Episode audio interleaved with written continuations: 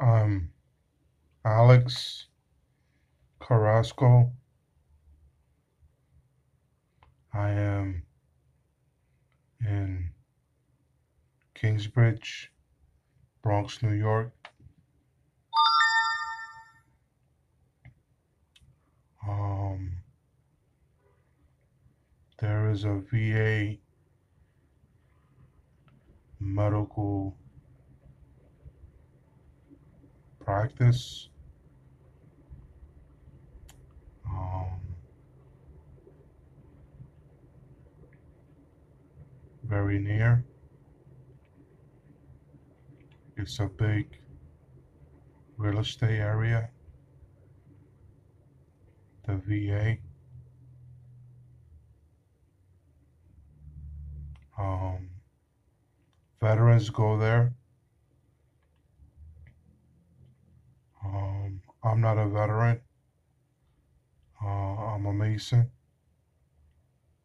Um, I'm not a member of any Mason groups. Um, the veterans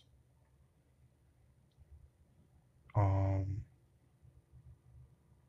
have more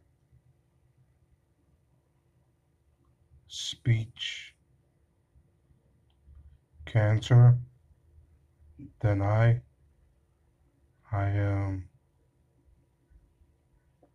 half Hispanic. Um, and um, I am French looking. If there's five French people, I am not very dark.